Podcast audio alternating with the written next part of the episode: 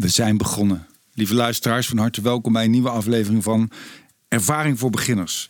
En ik zit uh, vandaag met mijn, uh, mijn, mijn, vriend en schrijver uh, Henk van Straten. Henk van Straten is een van de beste, meest relevante schrijvers van Nederland.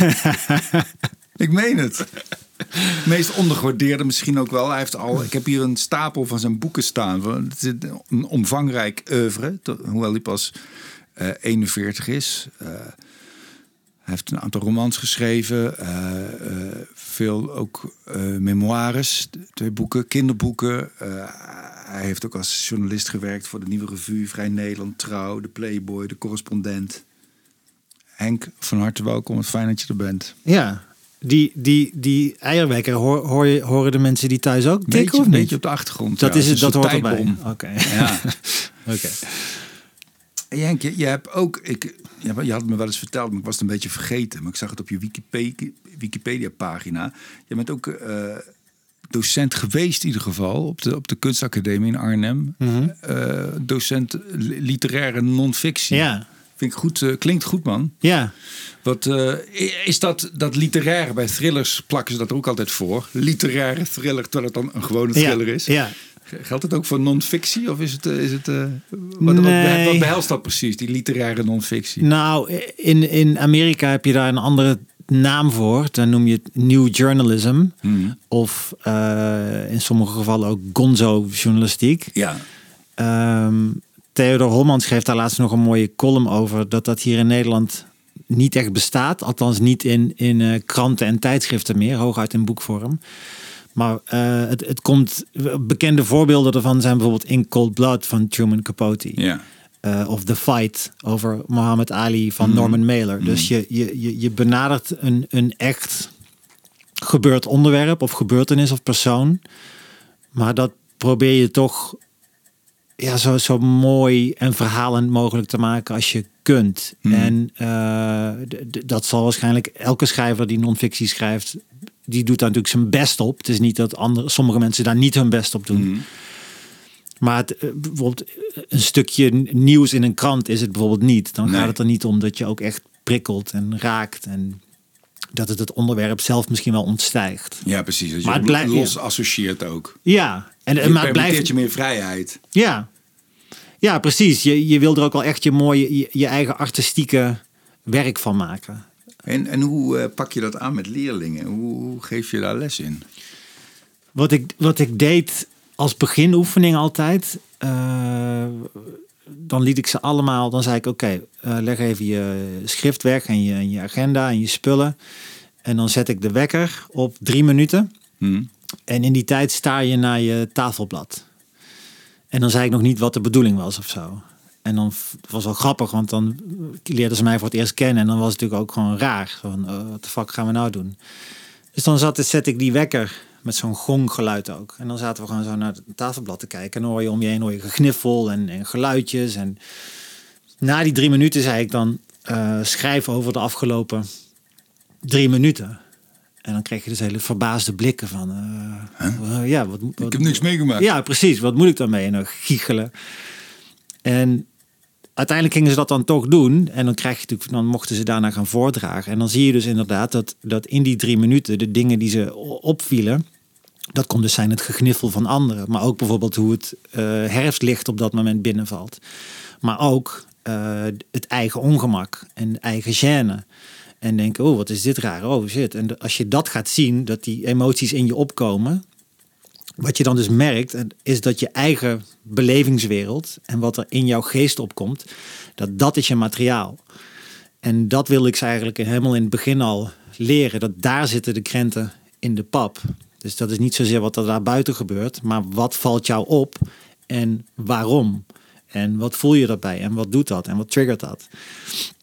En die, die oefening zelf is eigenlijk meditatie. Wat je in Japan noemt shikantaza. Dus dat is gewoon zitten in stilte en bewustzijn. Zonder afleidingen. dus om, om te laten zien dat die, die wereld waarover ze kunnen gaan schrijven, dat die daar binnen zit. En dat je daar alert op moet gaan worden. En dat ga je dan gebruiken vervolgens ook in de rest van het schrijverschap. Je moet ook een beetje lachen. Ik ken je natuurlijk ook supergoed. Ik zit er te denken, kan het ook zo worden dat je daar te veel, te veel op gefixeerd raakt. Ja. Op wat er zich binnenin je afspeelt. Zeker. Ja, dat, is, dat is een soort beroepsdeformatie die, die ook eh, nadelen heeft. Hmm. Want het, het gaat staan tussen jou en de directe beleving vaak. Omdat je, omdat je alles wat je meemaakt meteen gaat beoordelen op eh, hoe, hoe bruikbaar is het, wat kan ik ervan maken. Dus het is ook een manier om een soort muur tussen jou en de directe emotie te plaatsen. Dus dat is ook, ook een nadeel. Ik kan me een opmerking herinneren van Ronald Giphart, die dat ooit vertelde. Dat op de begrafenis van zijn moeder een collega schrijver naar hem toe kwam en zei: Wel dingen opschrijven, wel aantekeningen Ja, maken. ja. Ja, ook, precies. ook heel pijnlijk. Ja, je, je ziet het, het leven als materiaal. En ik weet, ik weet ook niet, het is een beetje kip en het ei verhaal. Want ik weet niet of, dat dus, of je dat steeds meer gaat, gaat, gaat doen, dat patroon, dat je dat steeds meer ontwikkelt omdat je een schrijver bent. Hm. Of dat je dus een schrijver wordt omdat je het blijkbaar nodig hebt om steeds die afstand te creëren tussen wat je ziet en meemaakt en, en, je, en je daadwerkelijke ge- gevoelsleven dichtbij. Dus misschien is het al meteen een soort coping mechan- mechanism Hm. eh, dat, zich, dat zich leent voor schrijverschap. De- Denk je bij jezelf dat dat zo eh, gegaan is? Dat dat ook de reden is waarom je bent gaan schrijven? Ja, ik ben daar niet helemaal achter. Ik, dus ik, ik weet niet of het inderdaad kip of ei is. Ik weet niet waar het, waar het begint. Maar ik denk wel omdat ik al van, van kinds af aan gewoon heel alert ben op, op wat er om me heen gebeurt en hoe iedereen zich voelt en waar het O- vandaan overalert komt. misschien ook. Ja, zeker. En, Ja. en, en vooral eh, hoe mensen reageren, komt dat door mij. Ehm, de, dus dan ga je dus zo goed opletten op alles. Ehm, ja, dat, dat, dat, dat misschien om daar rust in te vinden, dat het toch helpt als je daar inderdaad iets mee van maakt. Als je dat gebruikt. Even kort door de bocht. Je hebt er zelf over geschreven in een boek. Daarom permitteer ik me ook om het te vertellen. Bij jou ontstond dat misschien wel doordat jij eh, ooit in een gezin leefde met een eh, stiefvader waar, waar je onzeker over was of die jou wel mocht, of die Ja. jou wel aardig vond, of Ja. je er wel mocht zijn. Ja, Ehm, zou je. ehm, eh, zou, zou het zo kunnen dat, dat als je zeg maar, eh, ge- geneest van, van die, eh, die fobie of van die angst of van die overalertheid, dat je eh, niet meer in staat zou zijn om te schrijven? Of, omdat je, of dat je dat niet meer zo belangrijk zou vinden ook? ja weet, ik, weet, ik, weet ik niet. Want ik weet ook niet of, of al mijn schrijverschap, alles, alles wat ik schrijf en graag wil schrijven, dat dat daarmee te maken Nee. heeft direct. Ik denk ook, is hooguit dat je vizier daardoor op die Ja. manier is afgesteld, ja, waardoor je ook goed kan kijken. Ja. En, eh, wat, wat, ik, wat, ik, wat ik soms wel, wel denk is dat toen ik ontdekte dat ik kon schrijven, pas van na mijn twintigste ergens, dat dat ook gewoon was dat ik voor het eerst dacht, hé, hey, ik kan iets.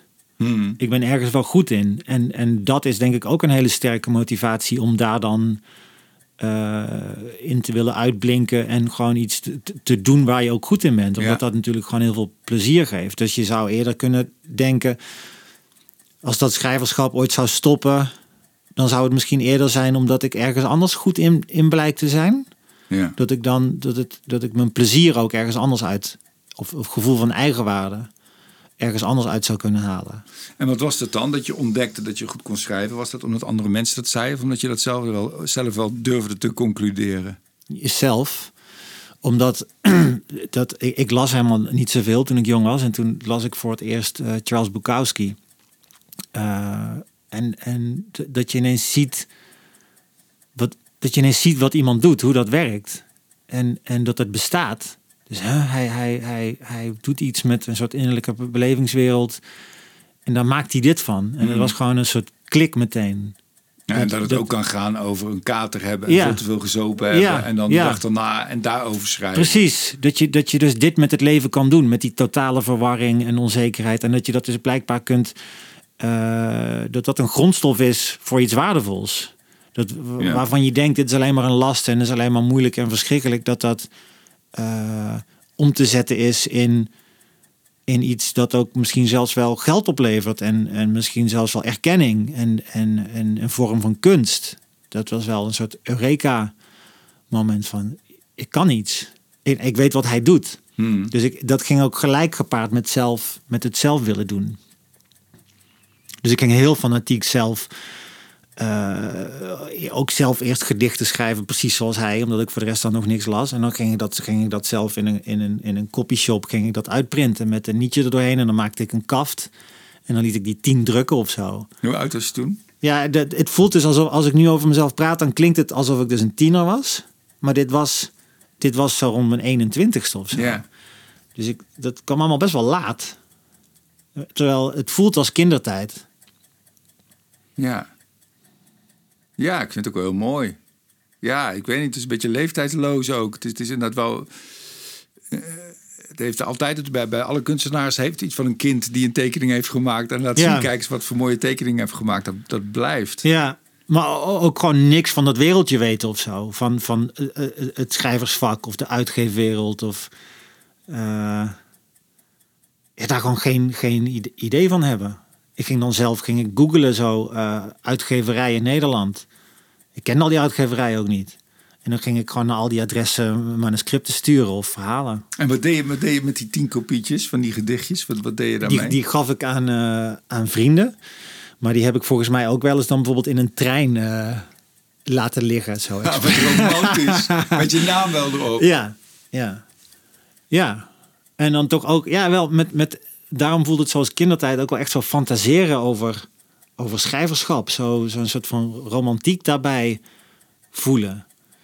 En ik, ik, ik, ik had er ook zo'n on- zo'n naïef beeld van. Ik dacht ook, als je dan op een gegeven moment wordt gepubliceerd, je hebt een debuutroman, dan, dan ben je er. Zo van, dan ben je een schrijver en dan is je leven anders en dan is dat ook je werk.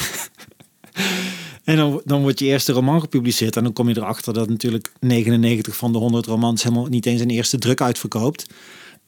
Dat was Ik ben de regen. Ja, eh, ja. ja. Also known as Kleine Stinker. stinkert. En eh, dus dat, dat was wel een desillusie van, oh wacht, dan, dan, dan is het niet ineens, dan ben je niet een gerenommeerde schrijver ineens. Dan is het, je, je boek ligt een maand op een tafel in, een, in de grote boekhandels, want de Bruna's en zo, daar lig je dan natuurlijk sowieso niet. En ja, dan worden er een paar honderd exemplaren verkocht en dan is het gewoon eh radiostilte. Dan is het gewoon eh hooibalen die voorbij rollen. En dan blijkt je toch nog te moeten werken en, eh, en, en te doen. Terwijl ja, op die leeftijd, ik dacht dus gewoon echt, ja, je bent al meteen een soort Hemingway of zo. Dan, dan leef je dat leven. Dat is wat er gebeurt als je, als je een echt boek hebt uitgebracht. Maar het was niet zo demotiverend, die stilte, dat je, dat je eh, niet voor de tweede bent gegaan. Nee. En omdat ik dus er, er veel plezier in had en ook nog steeds wel echt dacht, ik, ik kan dit. En eh, enorme geldingsdrang. Hmm. Ook omdat ik eindelijk dus iets had waarvan ik, waarvan ik überhaupt, waarmee ik überhaupt kon rekenen op erkenning, een beetje. Of een gevoel van eigenwaarde. Ehm, dus daar kwam ook al snel wel een soort opportunisme bij. Dat ik dacht, nou ja, ik ga gewoon alles aangrijpen wat hiermee te maken heeft, waar ik maar wat mee kan verdienen. Dus zo kwam ik op een gegeven moment bij de nieuwe revue uit. Omdat ik gewoon dacht, hé, hey, eh, als ik elke week, als ik voor een weekblad kan schrijven en dat is wekelijks, dan is dat een wekelijkse eh, factuur die je kan versturen. Eh, en dan kan ik daarnaast werken aan boeken.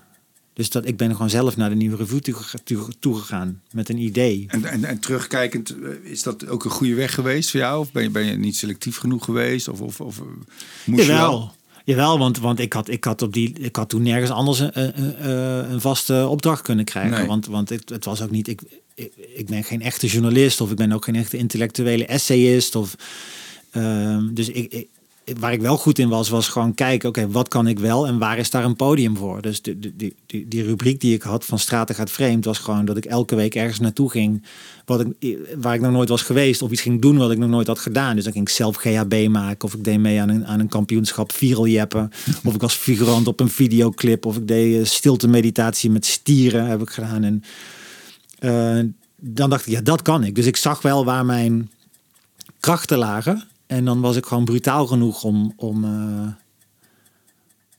om daarmee de hort op te gaan. Maar dat is wel heel bijzonder. Dat je, vind ik, dat, dat je blijkbaar heel goed weet waar je...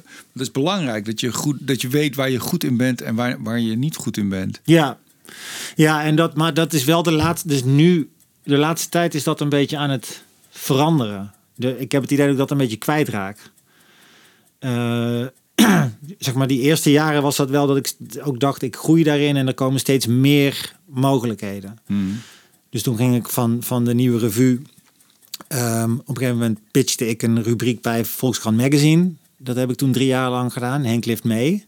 En dat, dat, dat sloot ook wel heel goed aan bij wat ik kon. Dus dan lifte ik gewoon mee met bekende Nederlanders. eh, die toch al ergens naartoe moesten. En dan stapte ik weer uit. En dan schreef ik gewoon een stukje over die ontmoeting. Ehm, en dat stopte ook op een gegeven moment. En nu, zo de laatste jaren, weet ik eigenlijk niet meer zo goed wat ik zou kunnen schrijven voor een blad op, op een wekelijks. eh, op wekelijkse basis en wat dat dan zou kunnen zijn en waar ik dan pas. Dus, Maar daar ligt voor mij volgens mij ook niet zo jouw artistieke ambitie. Het is meer toch om op die manier geld te verdienen. Of, Ja. of vind je het ook interessant om betere, een betere schrijver te worden op die manier? Ja, als ik, als ik dan zo'n klus eenmaal heb, dan, dan doe ik daar mijn best op. En dan wil ik dat zo mooi en goed mogelijk maken. En dan natuurlijk werk je daarmee ook aan je, aan je ambacht.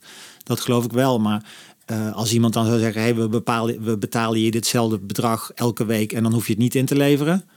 Dan, dan vind ik het ook prima om die dingen niet te schrijven. en gewoon aan een boek te werken. Je hebt ook best wel een onstuimige start gehad. Hè? Want ook als je kijkt, terugkijkt naar jou, heb ik wel eens gelezen. Als je terugkijkt naar jouw nou, hele oeuvre, ben je over de eerste elft eigenlijk helemaal niet zo tevreden. Nee. En heb je pas het gevoel bij, eh, was dat met uh, Bidden en vallen. en vallen, dat dat eigenlijk je echte de debuutroman is. Ja. En wat, laten we dan even kijken naar die periode voor bidden en vallen. Wat, wat, wat heb je daar niet goed gedaan? Of waar ben je ontevreden over? Nou, ik was ik, ik, ik, schreef dus nog niet zo lang en ik, ik werd al vrij snel wel uh, gecontracteerd door Lebowski destijds. En, Fijne uitgeverij, zou je zeggen. Ja, die zijn ook sindsdien wel erg, hebben zich ontwikkeld en zijn mm. wel gegroeid. Toen was het wel heel erg jong. Uh, veel marketing, veel promotie, veel dingen anders doen. Veel uh, samenwerkingen met rappers en hip-hop. En, dus dat, dat, dat was ook wel een beetje gehaast. Mm. En uh, dus ik wilde heel graag en ik had heel veel ambitie en dat werd ook totaal niet afgeremd. Ja. Uh, dus achteraf gezien, ja, was het misschien ook wel beter geweest als je, als je dan een redacteur had die zei: hey, we wachten nog een half jaar of een jaar met uitgeven, want ik denk dat dit manuscript nog beter kan als we er iets rustiger mee omspringen en jou iets meer laten groeien. Maar dat was eigenlijk niet zo, dus dat werd ook gewoon heel snel uitgegeven allemaal. Um, ja, wat aan de ene kant dus heel leuk was, omdat je dacht, het, het gebeurt allemaal en het, uh, het, het, het, het, neemt een soort vogelvlucht. Maar tegelijkertijd merkte ik ook wel, ik brak niet door of zo. Of er, er, er waren niet echt lekkere verkoopcijfers. Of, en nou, dan, vaak genomineerd wel voor literaire Ja, prijzen. voor die BNG-prijs een Ja. paar keer. Ja, ik, ik heb sowieso natuurlijk wel de neiging om er een beetje pessimistisch over, over te doen. Dus ik kan alleen maar vertellen hoe het dan voelt of zo. Hè? Ja. Ik weet niet of het ook echt zo is. Maar dan, Kijk, als je vier boeken achter elkaar snel publiceert en dat zijn successen, dan, dan is vier boeken achter elkaar natuurlijk fantastisch. Ja. Maar vier boeken snel achter elkaar die verder niet zo heel veel doen, dan, dan krijgt het ook iets uh, gênants. Dat, dan, dan, dan kantelt dat beeld over, van die boeken en van jezelf. Omdat je dan denkt, ja, nou ja, ik, ik schrijf vier boeken en die doen allemaal niks. Dus zo lekker gaat het niet. Dus dan, dan, dan, is het, dan zijn vier boeken vervelender dan één. Hmm. Snap je? Hmm. Want dan denk je, ja, blijkbaar is dit een. Dan ga je er een patroon ook in zien. Ja. Dan ga je denken, ja, dan zal vijf ook wel zo gaan. ja. Uh, dus toen ik van uitgever veranderde, uh, toen was er heel sterk de behoefte om, om eigenlijk opnieuw te debuteren. Wat ook laf is, want, want dat zou ik nu bijvoorbeeld weer kunnen doen. Ja. Voor, mijn, voor mijn gevoel. Van nou ja, oké, okay, sindsdien is het wat beter gegaan, maar misschien nog steeds niet zoals ik het zou willen. Dus nu trek ik een streep en nu ga ik echt debuteren. Dus dat, ja, dat kan ook niet.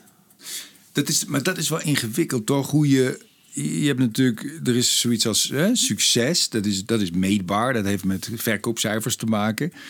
Maar er is ook gewoon de kwaliteit van het, het boek zelf. Mm. En dat is natuurlijk ja, deels objectief, maar hoe. Dat is, dat is ook wel gekmakend, lijkt mij. Verschrikkelijk. Om hoe, hoe, de, hoe dat te beoordelen. Ja. Hoe er naar te kijken. Ja, dat is verschrikkelijk. En, Want je maakt je ook zo afhankelijk van de blik van de ander. Ja. En je hebt ook je eigen kompas. Hoe, Ja. hoe doe je dat? Ja, niet gewoon dus een continue staat van neurose. Ja. En, en daarom is bijvoorbeeld sport, uh, daar kan ik ook wel jaloers op zijn. Kijk, een, een sporter, een sprinter, je, je, je timet iemand en hij rent gewoon, of zij rent gewoon één seconde sneller. Ja. Nou, daar is verder niet echt een discussie over mogelijk. En bij boeken is dat natuurlijk niet zo. En juist omdat het daar zo ongrijpbaar is, ben je dus overgeleverd aan eh, erkenningsmomenten als een prijs of verkoopcijfers of een goede recensie. Want dat zijn dus eigenlijk de enige dingen die, die je hebt. En dan tegelijkertijd weten dat die zo subjectief zijn, maakt, is gekmakend. Hmm. Want ehm, het is niet zo als ik een slechte recensie krijg, dat ik dat dan dus heerlijk kan relativeren door te denken: oh joh, maar ja, het is gewoon hartstikke subjectief en dat is gewoon iemands Ja. mening. Dus dat raakt mij niet. Eh, de, rationeel gezien zou ik, zou ik er zo in moeten staan, maar ik, ik ben gewoon eh, fysiek niet goed een tijdje daarna. Ja. De- dus dat is, de- dat, dat is verschrikkelijk. Ja, ook, ook omdat je denkt, nou ja, als iemand, als de rest van de- het land die recensie leest, ja, dan zullen ze dit wel geloven, want ze hebben het boek zelf niet gelezen. Dus dan lees je daar een recensie over en denk je, oh, nou, dat is dus, dat boek is dus wat hier omschreven staat in deze recensie. En daar niks aan te kunnen doen. ja, het is heel onmachtig dat er veel meer mensen zijn die de recensie lezen dan dat er mensen zijn die jouw boek lezen. ja, en dat, dat vind ik En ondraaglijk. dat die bijna. recensie is, die is in twee uurtjes geschreven. En jij, Ja. jij bent er maanden mee bezig geweest. Ja, ja. En dan, ja, dus dan, dan kan je wel een berichtje krijgen van een collega schrijver of zo. Dat, dat, die, dat die recensent het totaal niet begrepen heeft. En dat voelt dan wel even goed. Maar dan denk je, ja, maar ja, maar jij, jij bent ook maar één iemand. zo. Ja, dus, dus dat, dat vind ik verschrikkelijk aan, aan schrijverschap. En daarom vind ik ook de periode na publicatie. eh, daar zie ik enorm tegenop. Dat is de moeilijkste periode eh, in het leven van een, van een schrijver. Althans, voor mij. Omdat je dan machteloos voelt en, Ja. en afhankelijk bent van... Ja, je bent totaal overgeleverd aan, aan anderen. En eh, ja, toch ook wel pessimistisch. Dat je denkt, nou, zal je zien dat dat boek weer precies bij die recensent terechtkomt... waarvan ik weet dat hij het niet snapt en slecht gaat bespreken. En dan, ja, En dan komt het daar ook terecht. En dan... Vooral daar niks aan te kunnen doen, inderdaad. Het is, het is ook traumatisch in die zin zo, zo dat, dat als je fysiek geweld wordt aangedaan of zo... dat je wraakgevoelens hebt of wat dan ook. Dat, dat heb ik dan dus ook. Ik wil echt zo'n eerste dag wil ik echt eigenlijk aanbellen bij zo iemand. Of, dat, of, of diegene iets aandoen. Of dat diegene dan ook ervaart hoe dat voelt. Dus dat, dat een soort eye for an eye, tooth for a tooth. Ja. En dat is heel moeilijk om dat te weerstaan. Dus dan... dan eh, Maar je hebt nog geen re- recensenten gemolesteerd, toch? Nee, maar ik heb wel dan. Ik heb nu geen Twitter meer, maar dan had ik wel dat ik dingen op, op Twitter zette die ik dan later toch maar weer weghaalde. Omdat ik dan van collega-schrijvers of van mensen van de uitgeverij hoorde van doe dat nou niet, dat is niet slim. En je, je, je, het, dat schij- schijnt alleen maar een soort van slecht beeld op, op, op jezelf of een slecht licht op jezelf. En dan haal ik dat toch maar weer weg. Weet je wel, zoals één, één recensent is de ex van Thierry Baudet. En als die mij dan slecht bespreekt, dan denk ik, ja, dan heb ik gewoon zin om dat daar dan iets over te zeggen. Van Ja. hoeveel, hoeveel kan iemand weten van wat goede literatuur is als diegene ook iets zag. Ik zie opeens... Iets rom- romantisch zag in Thierry eh, Ja. Baudet of zo. dan- ja, als dat je beoordelingsvermogen is, hoe kun Ja. je dan uitspreken over mijn boek? Ja, en dat zijn natuurlijk hele flauwe dingen, maar dat is dan dat impliceert wel de, de wanhoop die je dan voelt Ja. en, en de drang om, om diegene dan ook een beetje pijn te doen of zo. Ik zie wel een mooie thrillerserie voor me, voor Netflix, voorbij random, ogenschijnlijk random mensen worden vermoord. En dat ze langzaam erachter komen dat het allemaal iets met jou te maken heeft. Ja, nou- al- allemaal recensenten zijn die. Eh, Daar is een film, die is er, die film. Echt? Ja, er is een Nederlandse film zelfs die ik laatst Oh, heb ja, de gezien. kuthoer. Ja, Ja, die heb ik laatst zitten kijken. Ja, dat, is. Dat, is, dat vond ik hartstikke leuk om te zien, want dat is precies dit. Ja. Oh ja, natuurlijk. Ja. ja. Eh, nou, dat zijn alle gevoeligheden en alle, alle, alle shit naar de hand. Wat, wat, wat gebeurde er inhoudelijk en stilistisch bij eh, Bidden en Vallen? Waarom dat voelde als, als toch ook een, een, een nieuw debuut? Inhoudelijk. Nou ja, ik bedoel, had je voelde je dat je ontwikkeld had als schrijver? Had je stappen gezet? Was je beter geworden? Ja, dat, dat, dat denk ik wel, ja. Maar hoe, hoe- hoe, in welke zin precies weet ik niet. Het was wel voor het eerst dat ik vijf verschillende personages, vijf verschillende perspectieven. eh, dat, dat, ik, dat, ik veel, dat ik een bredere thematiek durfde aan te pakken. Over, over, over wie we zijn, over identiteit. ehm, dan daarvoor. Dus ik, ik waaierde ook meer uit. Ik, had een, ik kon een veel breder spectrum daarmee De, de moeilijkheids, je kon een hogere moeilijkheidsgraad ja, aan. ja, en ik denk ook wel, bij mij gaat dat ook gelijk. eh, Vanaf het moment is dat ik voor het eerst Bukowski las en zelf wilde schrijven, is dat, dat schrijverschap ook gewoon natuurlijk parallel gaan lopen aan eh, lezen. Hmm. Dus als je dan jong bent en je denkt, nou, Bukowski is het beste dat er is, en dan ga je natuurlijk steeds meer lezen, en dan kom je erachter dat, dat, er, dat er nog veel meer moois is en, en beters en complexers. En, dus dat, dat liep dan ook zo samen gelijk op, denk ik. Dus ik denk ook dat ik rond de tijd van, van, van bidden en vallen eh, ja, ook breder aan het lezen was. Waardoor dat zich ook weer vertaalt naar een meer ontwikkeld schrijverschap. Maar hoe dat, hoe dat precies zit, weet ik natuurlijk ook niet. Nee. Het blijft iets ongrijpbaars ook. Uiteindelijk ga je gewoon zitten en begin je te typen. En dan, dan komt er iets. En dan ben je blijkbaar op dat niveau, op dat punt gekomen van je, van je schrijverschap. Het lijkt me ook zo, dat lijkt me echt heel erg moeilijk. Dat als ik, ik, ik, zou, nee, ik maak dan cabaretprogramma's van een anderhalf uur. En op een gegeven moment, als, je, als dat voor mijn gevoel af is, dan wordt het best wel overzichtelijk. Dan weet ik wat ik doe, ik weet waar ik heen ga. Ik, ik speel het natuurlijk ho- honderd keer. Ik weet dan heel goed wat ik in mijn vingers heb. En het lijkt me bij een eh, dikke roman. eh, Dat lijkt me ook zo onoverzichtelijk. Ja. Dat je eigenlijk zelf ook niet weet wat je, wat je in handen hebt. Ja, klopt. Dat is inderdaad een heel groot verschil, denk ik. Dat ook maar puur ook de herhaling. Dat jij, eh, jij gaat echt wonen in zo'n in zo'n voorstelling. En, Ja. en, en het is ook, je komt elke keer dezelfde stukjes tegen. Dus je gaat al die losse stukjes steeds beter snappen. Ja. En op het moment van het schrijven van een roman ben je natuurlijk wel heel veel met, met de materie bezig. Dus dan woon je er ook wel in op een gegeven moment. Maar je, je raakt het ook weer kwijt. Want op het moment dat het naar een redacteur gaat en dan ga je het een beetje veranderen en aanpassen, eh, heb, dan heb je inderdaad zelf niet meer echt die afstand daartoe. En het, het vervaagt dan ook heel snel. Ik denk dat jij veel beter weet de losse segmenten eh, van jouw vorige shows, ook van jaren geleden. Eh, dat jij je dat veel beter kunt herinneren dan losse passages die ik in een, in een boek schreef van tien jaar geleden. Herlees, je, herlees jij nog wel eens een Nooit. boek? Nee, kan ik niet. Word ik misselijk. Een bakje erbij. Nee, echt. Dat, dat, eh, ik, ik weet niet of ik dat ooit ga doen. Dat is al, dat is al na de laatste versie van het manuscript. Daar heb ik er al geen zin meer in. En dan, dan wil ik er ook gewoon eigenlijk, niks meer mee, mee te maken hebben. Want ja, een soort walging al op de eerste pagina. ja, En, en trots, ben je ook trots op dat wat je geschreven hebt? Zit er ook trots bij? heel kort. Op, eh, dat, die, trots voel ik echt alleen op het moment dat, ik het schrijf. En dat ik denk, op het moment dat ik iets schrijf dat ik goed vind. En denk, yes, dit is echt iets. Dit kan echt iets worden. Dit is echt mooi. Dit is echt goed. En dat, tot aan daar, tot, tot daaraan toe. En dan is dat voorbij. En dat haat ik er ook zo aan, dat ik dus zo... eh, ja, daarin te beïnvloeden ben door hoe het wordt ontvangen. Of, of eh, dat, dat, dat, dat besmet voor mij ook het werk zelf. Ik, ik, ik, ik ben niet zeker genoeg van mijn werk dat ik, dat, even, dat ik daar trots op blijf. Hmm. Het, het enige waar ik sterk genoeg in ben, is dat ik het dan nog een keer wil proberen. Dat ik weet dat ik het wel kan. Ja. Het is alsof ik dat elke keer Bidden en vallen en opstaan. Ja, ik, ik wil het elke keer opnieuw bewijzen. Van, ik, kan het, ik kan het wel, wedden dat ik het kan. En nu, nu ga ik dat echt laten zien. Ja, Met toch dit is dat boek. een klote motivatie, lijkt mij. Na, na, zeker na tien. Dat, dat, dat je bij de eerste of twee, eerste twee boeken hebt.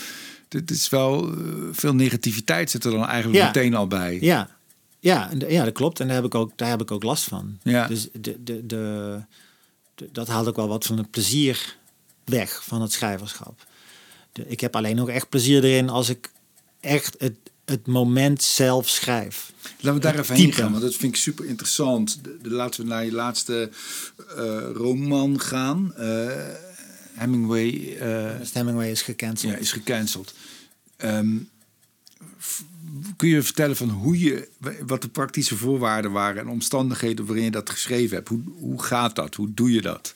Wat is je dagindeling? Wat is het? Dit, dit was wel een, een eh, uitzondering in die zin dat ik had. eh, ik liep al een tijd rond met het, met het plan om te schrijven over een vriend van me, die, die, eh, die ken je ook, die heb je gekend, Selim Lemouchi, die, die zelfmoord heeft gepleegd. Die in een occulte rockband speelde. En satanisme aanhing. Daar wilde ik al heel lang over schrijven, maar ik wist steeds niet in, in welke vorm.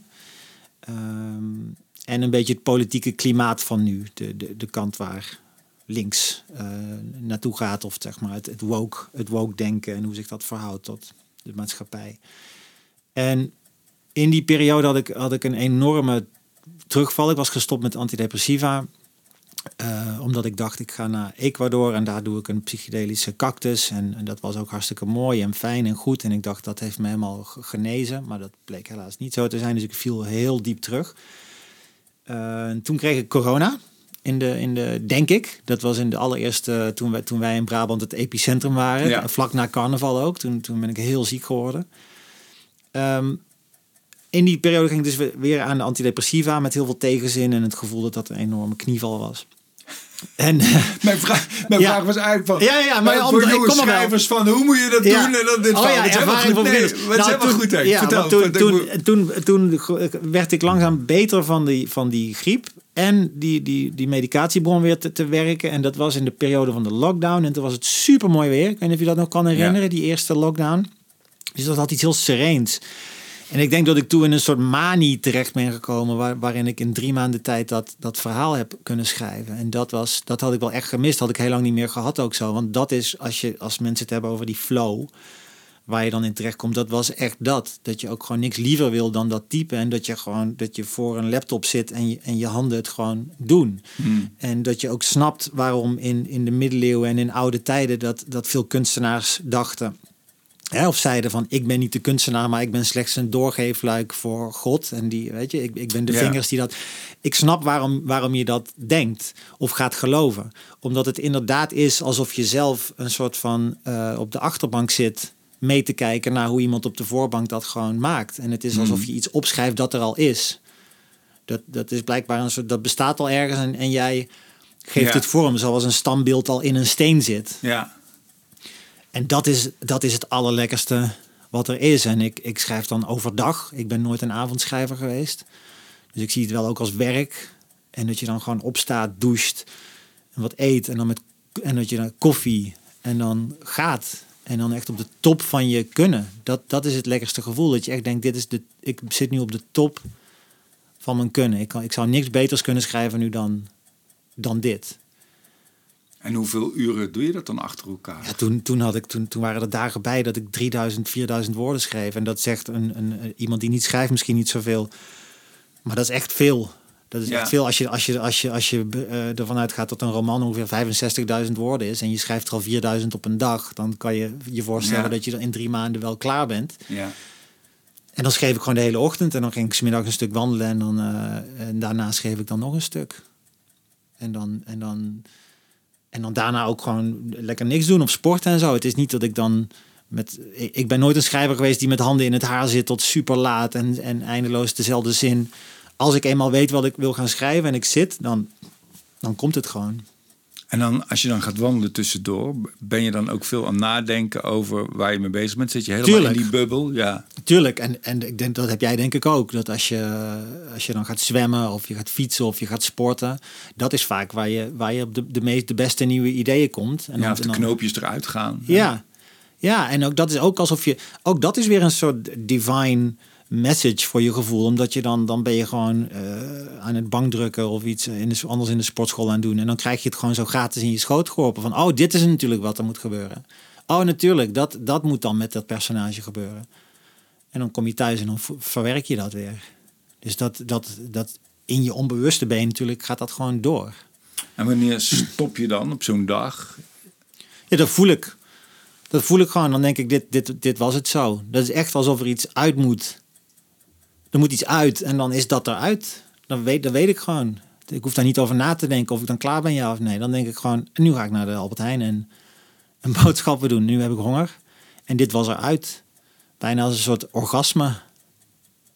Dan weet je, nou, nu, nu zijn we klaar met seks. Ja, klaar. Dan weet, dan weet je klaar dan. Ja. komen. Het ja. zegt het al. Ja, en dan, dan ga je lekker in, in bad of douchen. En dat heb ik dan ook met, met, met schrijven. Ik hoorde laatst een schrijver die vertelde dat hij, een beetje aanstellerig ook, maar die ging dan, die stopte altijd halverwege een zin, zodat hij de dag erop die zin kon afmaken. Oh, ja. Ja, die, die regeltjes, ja, dat hoor je vaker zo van. Ja, nee, dat, dat, dat heb ik nooit. Zo van die, van die, die, die dingen die altijd werken. En zoals met dit laatste boek met Hemingway, eh, de, de, de boeken daarvoor gingen weer anders. En, en ik, heb, ik, ik weet ook wel, omdat ik ook zoveel dingen tussendoor moet doen. En ik ben ook een alleenstaand vader. En uh, dat ik kan me ook niet permitteren om te zeggen, ik schrijf in, in dit hutje daar en daar. En ik moet Mhm. dan uh, de hele dag hebben en ik moet dit doen en dat doen, want anders lukt het niet. Als, als ik al die voorwaarden zou hebben, dan zou het me nooit lukken. Ik moet, ik moet juist kunnen schrijven wan- wanneer ik tijd heb om gewoon voor een computer te zitten.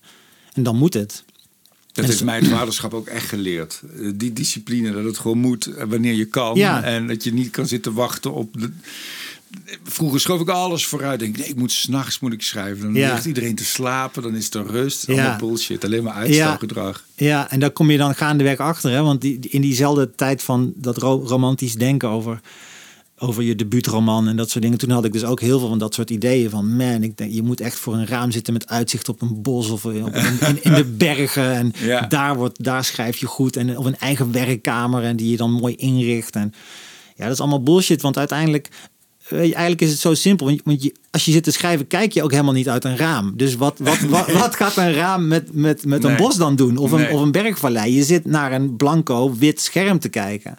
En daar gebeurt alles. En dat blanco wit scherm kan in je keuken zijn of... eh, het kan wel in een boshut zijn, kan overal zijn. Maar je kijkt uiteindelijk gewoon naar een A4'tje, een digitaal A4'tje.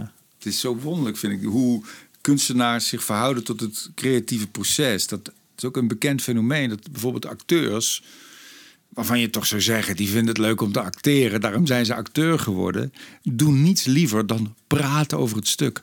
Praten over hun personage. Zodat ze niet hoeven te acteren. Ja. Zodat het niet goed of fout kan gaan. Ja. Weet je, en je moet het gewoon, dat geldt bijna altijd. Je moet het gewoon doen. Doen. En je moet gewoon mislukken en Ja. vallen en opstaan en het doen. Daar, daar is het te doen. Maar toch snap ik die drempel wel een beetje. Die, die muur van weerstand, die moet jij ook wel Ja. ergens hebben. Ja. Oh, heb, maar heb jij die, voel jij die ook als je, als je aan materiaal gaat werken? Gewoon, je bent alleen, je bent eh, hier thuis of... Nou ja, Eh, ik, ik maak deze podcast mezelf. Ben ik best wel.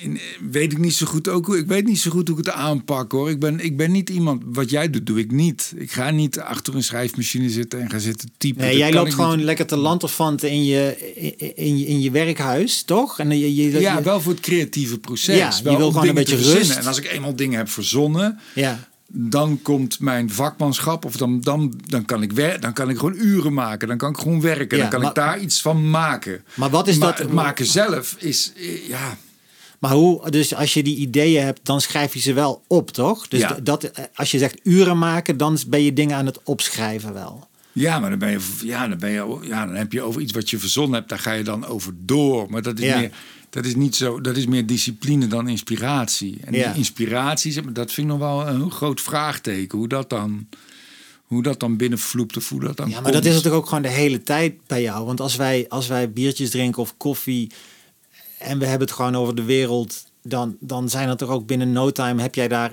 iets over gezegd dat, dat een originele eh, kijk geeft op die materie. En dan, dan hoor ik jou gewoon al dingen zeggen, zo, zo, dan hoor ik je dingen zeggen die ik je ook op een podium zou Ja, kunnen horen dat is- dat is dus dat zit, waar. dat zit er al, dat staat wel aan bij jou Ik altijd. zat met Ali B hier ook te kletsen. Toen hadden we het daar ook over. Dat heel veel dingen die een monoloog, of uiteindelijk een monoloog worden. Of dat nou rappen is of een cabaretprogramma. Vaak ontstaat vanuit dialoog. Dat Ja. is gewoon praten met vrienden. Ja, En eh, dan, dan komt het gewoon voorbij. En dan moet je soms het lijstje goed hangen van... hey, dit, dit Ja. stukje van die tekst is, is bruikbaar om te reproduceren op een podium. En, ja. en dat, dat is denk ik ook wat het, het verschil maakt tussen, eh, nou ja, dat is misschien stom om te zeggen, maar een, een echte cabaretier en, en een niet-echte cabaretier. Maar wat ik, wat, wat, je, wat ik vaak zie bij, ook wel bij bekende cabaretiers, is dat eh, die hebben dan op het podium hebben ze grappen.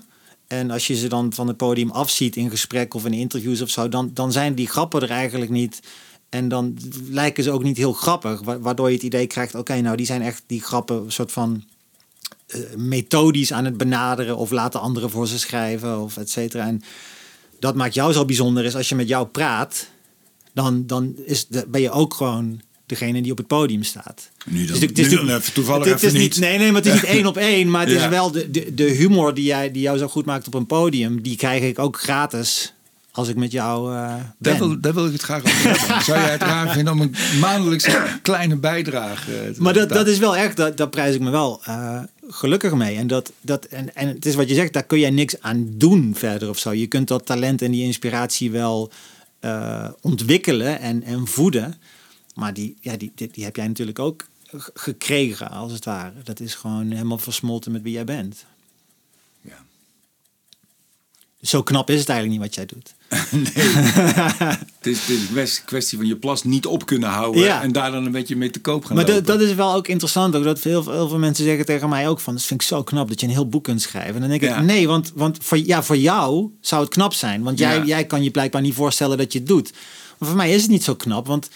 Ja, dit is een van de dingen... Ik vind het makkelijker dan heel veel andere dingen in het leven. Weet je? En... en eh, ja, dus, maar zo zou je dat bij alles kunnen zeggen. Hè? Bij Hussein Bolt zou je ook kunnen zeggen... zo super knap dat hij zo snel kan Ja. rennen. Maar je zou ook kunnen zeggen... nee, dat is voor hem dus juist niet Ja. knap. Want daar is hij nou juist heel goed in. Probeer maar eens een stukje te slenteren. Usain Ja, Bolt, dat zou knap zijn. Dus, dus als talent samenvalt met, met eh, dingen die je bereikt, is het dan heel knap? Of is, het, is dus, dat dan juist geluk is sowieso een hele grote factor. Dat je, maar ook bijvoorbeeld dat je het geluk hebt dat bijvoorbeeld cabaret dat, dat, dat, dat een talent is waar je geld mee kan verdienen. Terwijl Ja. iemand die heel, goed, heel mooie gedichten schrijft, ja, die, die verkoopt 200 exemplaren. Ja, dat, dat is... pech. Ja, En die is minstens zo goed. ja, hey, maar dat is ook wel interessant nu. Dat jij ook een kunstenaar bent die nu, op dit moment, net iets over de 40. Vind ik ook wel leuk om over te hebben. Ook heeft besloten om toch weer iets meer met één been in de echte wereld te gaan staan. ja. Want ja, je hebt nou een beetje geschetst van, van hoe, het, hoe het voor jou is en hoe het verloopt. En dat is best wel zwaar ook en frustrerend soms. Mhm. En jij hebt ook eh, eh, besloten om twee dagen in de week, of in ieder geval twintig uur in de week. Ja. Je hebt nu ook echt een gewone, gewone baan in de echte wereld. Ja, Eh, Je werkt nou bij een eh, brouwerij. ja, En dan ben je een soort eh, agogisch medewerker. En, en help je mensen die afstand hebben tot de arbeidsmarkt, zoals dat dan heet. Ja. eh, met het brouwen, brouwen van bier. Je doet dat samen met hen. ja. En eh, hoe, hoe is dat? ja de- Doet het je goed? Het doet me heel veel goed. En het, het, is, het voelt een beetje als het tegengif dat ik, dat ik nodig had. Omdat schrijverschap is dus eh, thuis. En alles wat je maakt gaat om jou. En een recensie, goed of slecht, gaat over jou. Jij bent goed of slecht. Ehm, je naam staat erboven. Ook als je een column schrijft. Dus je, je naam... Met een Ehm, fotootje. Ja, precies. Dus het is enorm ego-versterkend. En dan bedoel ik niet eens ego in de zin van jezelf geweldig vinden. Maar ego kan net zo goed jezelf natuurlijk eh, slecht vinden of, of teleurstellend vinden. Dat is ook ego. Nee, je wordt er mee geconfronteerd de hele Ja, tijd. het is de hele tijd het versterken van dat gevoel van zelf, dat daar alles om draait. En eh, daar wilde ik vanaf. En dus eh, enorm de behoefte om meer in de maatschappij te staan en in dienst te staan van iets groters, dat niet alleen ik ben. En ehm, daar is dit, werkt dit zo goed voor, want nu moet ik er gewoon voor zorgen dat inderdaad dus de, de deelnemers, zoals wij ze noemen, dus het zijn in de meeste gevallen mensen met autisme, dat die een, een goede dag hebben. Ja. En dat die tevreden naar huis gaan. En ik ga dan ook tevreden naar huis. En ik ben ook gewoon dus aan het werk, want ik ben ook aan het brouwen, dat ik nu overigens leer pas. Hè. Ik ben natuurlijk geen bierbrouwer, dus dat, dat is ook superleuk dat ik dat leer. Maar het is heel veel poetsen, schrobben. Eh, ik heb grote gele le- eh, regelaars aan en ik heb een shirtje aan van het bedrijf. En ehm, die, de hele dag bezig zijn zorgt er ook voor dat die, die, die, dat neurotische denken is dan uitgeschakeld. En daar kom ik nu achter, wat best wel confronterend is. Want misschien, misschien was dat, is dat hele schrijverschap wel gewoon helemaal niet goed voor mij. Dat dat ook bijdraagt aan, aan het feit dat ik antidepressiva gebruik, dat het vaak niet goed met me gaat. Misschien hangt dat allemaal met elkaar samen. En daar ben ik wel veel over na aan denken. En, en heel gek is het niet. eh, als je gaat kijken naar, hè, de, de, de oermens en, en hoe, hoe wij natuurlijk duizenden jaren leefden, was ook gewoon fysiek bezig zijn, dingen doen, moe worden daardoor en in contact staan met andere eh, mensen, mensen uit je tribe. Eh, en dan moe zijn en ook tevreden dan kunnen ontspannen. Dus het, het, het, eh, ik geniet ook wel nu, het, het zijn maar 2,5 dag per week, maar moe thuiskomen Ik, dat heb ik natuurlijk tien jaar niet gehad. Nee. En dat heeft wel iets. Want dan mag je ook gewoon maar wat lanterfanten. En, en, en first dates kijken op, op, eh, op televisie. En eh, de, de volgende ochtend heb je geen tijd om, om, om weer in die neurotische gedachten te hangen. Omdat de wekker gaat en je moet gewoon naar je werk. Dus daar zit ik nu een beetje in van... Ga ik dit balanceren? Blijf, wil ik dit naast elkaar gaan doen? En, en versterkt het elkaar dan? En is dat dan ideaal? Of, of ga ik misschien wel nog meer werken? Maar dat vind ik ook heel eng. Want aan de ene kant zoek ik dus ook de anonimiteit daarvan op. De behoefte om, om, om dat, dat jezelf belangrijk vinden gewoon helemaal van me af te werpen. Maar tegelijkertijd is het natuurlijk ook een enorme bron geweest al die jaren van überhaupt eigenwaarde. En te Hmm. denken dat ik verder anders niet zoveel voorstel. Als ik niet ook schrijver ben of semi-bekende Nederlander. Eh, dat, dat, dat ik dan toch denk, ja, dat maakt me wel bijzonder. Misschien En- kun je er ook mooiere vrouwen mee scoren. Met het schrijverschap dan met, Ja, als agogisch werker. Ja, nee, absoluut. Dat, dat, dat, daar ben ik me wel van bewust. Dat, dat vanaf dat moment dat ik echt professioneel schrijver was, eh, dat er een, het is maar een hele kleine mate van roem natuurlijk. Eh, dat dat toch, ja, dat, dat, dat, dat heeft ook dus die voordelen. En, Het erotiseert, ik merk het nu ook. Maar de, ja, daardoor ga je wel geloven, ja, vinden mensen me wel leuk als ik niet ook schrijver ben. En wat, wat stel ik dan eigenlijk voor? Dat is ook heel narcistisch, want blijkbaar vind ik dus dat voor andere mensen is het, is het wel oké om gewoon te zijn en een Ja. baan te hebben. En daar vind ik ze niks minder om. Maar van mezelf vind ik dus dat ik bijzonderder moet zijn dan dat. Ja, maar het andere is ook waar. Wat je eerder vertelde, dat het ook superleuk is om iets te doen waar, waar je goed in bent Ja. en waar je in uitblinkt. En dat is voor andere mensen ook leuk. Ja, Ik had deze discussie wel eens met Brigitte Kaandorp. En die, die vond ook alle cabaretiers maar... En zichzelf in kluis hoor. eh, aanstellers. eh, hè, omdat ze zo nodig voor een volle zaal moesten staan. Toen zei ik ook, ja, maar die voetballers dan? Weet Ja, je, zijn dat dan ja. aanstallers omdat ze per se in volle stadions willen voetballen? Nee, die kunnen heel goed voetballen. Die zijn Ja. daarin overmatig getalenteerd. En daardoor kom je daar ook terecht. En dat is ook waar. Het andere is denk ik ook waar. klopt. En, en, maar dan is het dus inderdaad een kwestie van kosten-baten. Hmm. Daar, daar komt het gewoon op neer. Dat, dat is, is dat stukje dat ik, waar ik plezier aan beleef, namelijk het echte schrijven zelf. Het idee dat ik iets heel moois aan het maken ben. Eh, is dat geluk het waard dat ik op al die andere vlakken er zo mee worstel? Zou het jou niet heel erg geholpen hebben als jij een pseudoniem had eh, gekozen? Ik denk het niet, omdat eh, als ik eenmaal succes heb met iets, dan ben ik toch ook wel zo ijdel dat ik Ja. wel wil dat, dat, dat het dan om mij gaat. Dat ik, ik dan bijzonder ben en ik goed ben. Eh, an- anders denk ik misschien ook wel laat maar. Die, die, die behoefte aan erkenning is wel heel sterk. En dat is, dat is nou juist waarom, waarom het niet, misschien niet en-en kan. Hmm. Als ik eenmaal dit doe en schrijf en er, wordt een boek uitgebracht, dan vind ik dat dus gewoon heel belangrijk. En dan ben ik enorm hongerig naar erkenning. Dus, de, dus of ik moet dat accepteren, of ik moet dat, dat hele schrijven links laten liggen en iets, iets gaan doen waarbij die, die gebieden van mijn persoonlijkheid niet eh, getriggerd worden en niet versterkt worden. Ja. Ja, ik vrees dat dit een, een levenslange ja, worsteling is te negatief, maar wel een, een item blijft. Ja, En ik vind het wel heel mooi dat, dat jij daar. Ik weet niet, ik denk dat heel veel makers en heel veel kunstenaars hiermee te kampen hebben. En dat heel veel mensen dat zelf nog niet eens onder ogen zien. En helemaal verdwenen zijn in die kramp of verdwenen zijn in die neurose. En hè, er zijn ook voorbeelden van, van die kunstenaars die een soort hofhouding om zich heen hebben georganiseerd. Die alleen maar ja knikken, waardoor je helemaal die zieke narcist kunt eh, en eh, egomaan kan, kan worden. En, en dat, dat de ziektewinst is dat dat boeken oplevert of, of, of meubels of, of, of, of wat dan ook. Ja, ja jij, gaat, jij gaat die strijd wel helemaal aan. ik denk ook, je, je kunt je ook afvragen of daadwerkelijk succes dan eh, go- goed is of slecht. Snap je? Ik, denk, ik denk dat, dat ik nu zo hiermee worstel, eh, heeft ook wel te maken met het feit dat ik mezelf niet echt succesvol vind als Ja. schrijver. De, de, de, de, de vraag is, wat zou er met mij gebeuren als ik, als ik wel een Libris literatuurprijs zou winnen? Is, dat, is, is, het, is, is het worstelen dan klaar? Want heb ik dan eindelijk de erkenning waar ik, waar ik altijd op, op hoopte? En kan ik dan vanuit een meer ontspannen positie verder schrijven?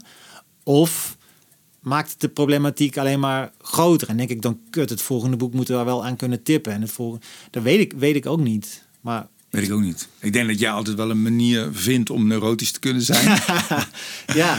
Eh, ja, maar- tenzij ik dus gewoon de hele dag eh, eh, bierketels moet schoonmaken Ja. en, en ervoor moet zorgen dat, Ja. dat mijn deelnemers niet, niet in paniek raken en, en gewoon een fijne dag hebben. En Ik zou het je wel heel erg gunnen. En ik zou het ook terecht vinden als je een aantal van die prijzen zou winnen. een aantal zelfs. Zeker. Ja. Ja, ik weet niet, man. Ik weet het niet, ja. Ik ga nu eerst een boek schrijven in, in eh, eh, dat is ook wel een soort tussenwerk, een boek schrijven in dienst van, over iemand, Hmm. een, een bekend iemand. Dus ik ga voor het eerst een soort Mag, mag, biografie. mag niet zeggen, ik weet wie het is. nee, maar, nee, mag nog niet, geloof ik. Oké. En ehm, dus de, de, de- dat voelt ook wel goed, omdat het dan, ja, dat doe ik dan voor iemand anders. En dat geeft me ook wat tijd om, om bij die brouwerij eh, goed aan de slag te gaan. Dan zijn dat de twee dingen die ik doe. En dan, dan zou er daarna dus wel weer vrij werk kunnen komen, maar ik weet nog niet zo goed. Het is, een, het is een grillige weg, man, die je aflegt. Als ik, je, je carrière, als ik dan naar kijk, ook, je ligt die stapel, enorme stapel boeken van je. Want ik ken ook de periode dat je, dat je met die memoires bezig was. Die ook, heel, he- ook hele mooie boeken. We, we, zeggen hier geen halfbroer. Zeg je niet halfboer en bericht uit het tussenhuisje? Ja. Ja. Toen was je er ook even heel erg van overtuigd dat dit helemaal je genre was. En dat Ja. je hiermee doorging. Ja, En dan toch weer een roman. En dan, Ja, want en toen dan- ging ik er zelfs van walgen na, na dat bericht uit het tussenhuisje. Toen ging ik ook weer helemaal walgen van die, van die memoirenvorm. Zo van, Ja. gadverdamme, over mijzelf de hele tijd. eh, wilde ik daar ook weer bij weg. En had ik enorm de behoefte om weer juist iets compleet bij elkaar te verzinnen. En dat was toen ik Kwaad Bloed. Een eh, geweldige schreef. thriller. Nou, die, die had ook de, dat is ook de beste thriller van het jaar. ja, man. Ja. Ja, nee, ik, ik weet dat jij... Ik vind het altijd moeilijk om te horen. Ik, ik weet Nee, ook dat nee. jij het meent. Dat weet ja, ik ook. En ik En dat- lees ook, ik lees ja. ook wel meer thrillers. Het is niet op basis Ja. van één boek dat ik denk, maar dit gaat... Dit is en een gruwelijke, een gruwelijke thriller. En het gaat helemaal over deze tijd. Ja. En eh, je, je brengt dat op een briljante manier samen. Dit, dit, is, dit is een boek waar je eigenlijk je wilt doorlezen en wegkijken. Dat, dat, Ja. is, dat is heel mooi, dat je dat, dat je dat voor elkaar krijgt. Dat je dat bereikt. En ik weet ook niet wat het. Ik ben wel benieuwd. Ik snap ook niet helemaal wat het is. Of jij je dan. Of jij, wat jouw rol daarin is. Of jij jezelf saboteert. Of dat er ook een soort buitenwereld is die, die, die dat jou niet gunt. Of, Ja. of dat je, weet ik veel, niet in een goede kliek zit. Of niet de zoon bent van iemand die ook al. Weet ik veel. Ik, weet, ik, weet, ik, ken de dynamiek niet. Ik weet nee, niet dat weet ik ook niet. En, dat, nee, en daar ga je natuurlijk ook de raarste gedachten over hebben en ideeën. Eh, ja, ook, met Hemingway, met dat, dat laatste boek. Ook dat je denkt, ja, dit gaat nou juist over nu. En, en er, er is een enorme roep vaak in, in, in op- opiniebladen en zo over meer geëngageerde literatuur. En dan doe je dat en dan... Ja, nee, ja, weet, weet ik... Weet De timing ik was wel heel onhandig. Die zat, dit boek kwam uit midden in de lockdown, toch? Ja, ja net op de dag, de, het boek verscheen op de dag dat de boek, boekenwinkel dichtging. en toen weet ik Ja, nog, dat is ik ook nog, super grappig als ik- het niet zo... eh, ja, ik weet nog bij eh, van Vampieren, onze, jou en mijn eh, vaste boekenwinkel hier in Eindhoven, dat ik daar dus toen na, naartoe moest om een van de redenen. Die was dus net die dag dicht en toen kwam ik daar aan met de fiets en toen hing er dus een hele grote poster van mijn boek. Zag ik daar binnen achter gesloten deuren, eh, hing die poster daar al klaar voor de, voor de publicatie, maar toen was die, die boekenwinkel dicht. Ja. Ja, nou ja, goed. Daar kan je het ook natuurlijk niet aan toe. Ik weet het niet, man. Dus, dus het, weet je, er zijn ook momenten waarop ik, en dat geldt niet alleen voor mij, maar ook voor veel andere schrijvers die, die geen bestsellers schrijven. Er zijn ook momenten waarop ik daar trots op ben. Op mij, maar ook op, op hen. hmm. Dat ik denk, toch maar weer gewoon gaan zitten, zo'n boek schrijven, hopen dat daar iets mee gebeurt, dat dat wordt opgepikt, daar alles in stoppen. En dan maar en, en zien dat dat niet gebeurt of een beetje gebeurt en een paar recensies en dan, dan is het weer stil en dan, en dan weer gaan zitten en het, en het weer doen. Dat je echt tegen de klippen op schrijft, dat heeft ook iets heel nobels, iets, iets, mm. iets van, van, strijders. We zijn ook wel strijders in die zin. En ook dat je een, een wij werken in een, in een krimpmarkt. Dat vind ik ook, dat maakt het ook wel stoer, toch? Of dom, of stom, maar we werken in een krimpmarkt. Je, je, bent schrijver in een tijd van ontlezing. Wat ik wel eens vergelijk met het, uh, die, dat zinnetje uit Fight Club van we poetsen het koper op de Titanic. Mm. Zo voelt het schrijverschap soms wel. Ja dat ja, daar wordt gewoon steeds minder gelezen. En als, die, en als die babyboom generatie straks over de cliff is gegaan, ja. dan is er eigenlijk niemand meer die leest. Dan, ik denk ook echt dat lezen wordt dan veel meer zoals je nu LP liefhebbers hebt. Ja. De LP is iets geworden voor mensen die gaan dan naar speciale winkeltjes. Dan gaan ze lekker LP. ja, dan ga je. Die hebben thuis een platenspeler, maar dat is niet meer iets wat iedereen heeft thuis. Nee. En ik denk, daar gaat het boek een beetje naartoe. Dan ga je naar een boekenwinkeltje en dan Oh, je houdt van boeken. Ja, ik hou van boeken. Dat is dan iets wat je ook opnoemt bij een introductiedingetje van de dingen die je leuk vindt. Nou, boeken. Ik, heb, oh. nog wel, ik heb achter nog een paar boeken ja. liggen. Misschien is het iets voor jou. Ja. En dat is natuurlijk zo'n verschil met vroeger. En uh, ja, dat als je in de trein zit en je ziet gewoon eigenlijk... Hoe vaak zie je dan met een boek? Er zit misschien één iemand in een coupé met een boek. Ja. En dat je desondanks toch gewoon blijft schrijven. Ja, dat heeft en iets... Het is een beetje donker shot-achtig of hoe moet je het... Ja, ja, ik vind het ook mooi. Ik vind, ja. Jij hebt dat niet. Jij, jij werkt niet in een, in een, in een krimpmarkt. Gewoon cabaret is... Nee. Dat is Toneel wel, wel, hè? Toneel, Toneel wel, natuurlijk, ja. Toneel. Toneel. ja. ja, dat is wel echt mooi aan humor. Dat dat niet uh, uh, uit kan raken of... Ja, is ook al honderd keer aangekondigd. Cabaret is dood. Oh ja? Ja. Maar dat kan Meestal toch niet? uitgesproken door Freek de Jonge. Maar... Ja, precies. Maar ik denk, lachen is iets zo wezenlijk goeds en fijns en belangrijks. Ja, je hoeft veel minder te investeren als kijker. Je moet, als een, in een boek ben je natuurlijk wel gewoon uh, de uren die je spendeert om een boek uit te lezen. Dan kun je, ja, je kunt allemaal andere dingen ja. doen. Ja. Maar ik, uh, ja, ik ben echt wel een vervent lezer. Ik snap niet hoe andere mensen dat doen. Hoe, hoe, je, dat vol, hoe je het leven volhoudt als je niet ook andere werelden naast je creëert. Ik heb het ook met voetbal. Voetbal is voor mij ook echt zo'n wereld ernaast. Ja. Weet je wel, ik vind het leuk. Als ik moe ben en dan zit ik naar, naar, naar PSV Monaco te kijken. Echt een draak van een wedstrijd. En maar ja... En ik heb ook altijd wel een boek waar ik in bezig ben. En dan is er ook nog mijn echte leven. Ja, en ik, ik denk dat soms de reden daarvoor dat, dat zoveel mensen dat kwijtraken, is echt zoiets banaals als toch gewoon het, het mobieltje. Hmm. En uh, dat je gewoon maar blijft checken of er nieuwe dingen zijn. En dat doet ook iets met de, de, de, de, de, de, de banen in je, in je brein. De zenuwbanen, die, die worden ook gewoon anders gelegd daardoor. Dus je ja, de beloningsstofjes. Ja, je blijft dat doen en dan heb je Instagram en dan kan je dit checken en dat checken en nieuwe berichtjes. En dan kijk je een los klein gek filmpje hiervan en daarvan. En ja, dan denk je misschien wel, oh, ik ga een boek lezen. Maar ondertussen zit, je, zit je gewoon met die duim zo dat, dat te doen. En dan laat je zo'n boek denk ik gewoon maar een beetje liggen. Mijn, mijn oudste zoon leest ook gewoon. Nou, ik zelf natuurlijk ook niet toen ik een puber was. Hoor. Van. Dus ik weet niet of dat een goed goed, goede vergelijking is, maar het komt gewoon niet eens in hem op dat dat iets leuks zou kunnen zijn. Is. Ja, ja.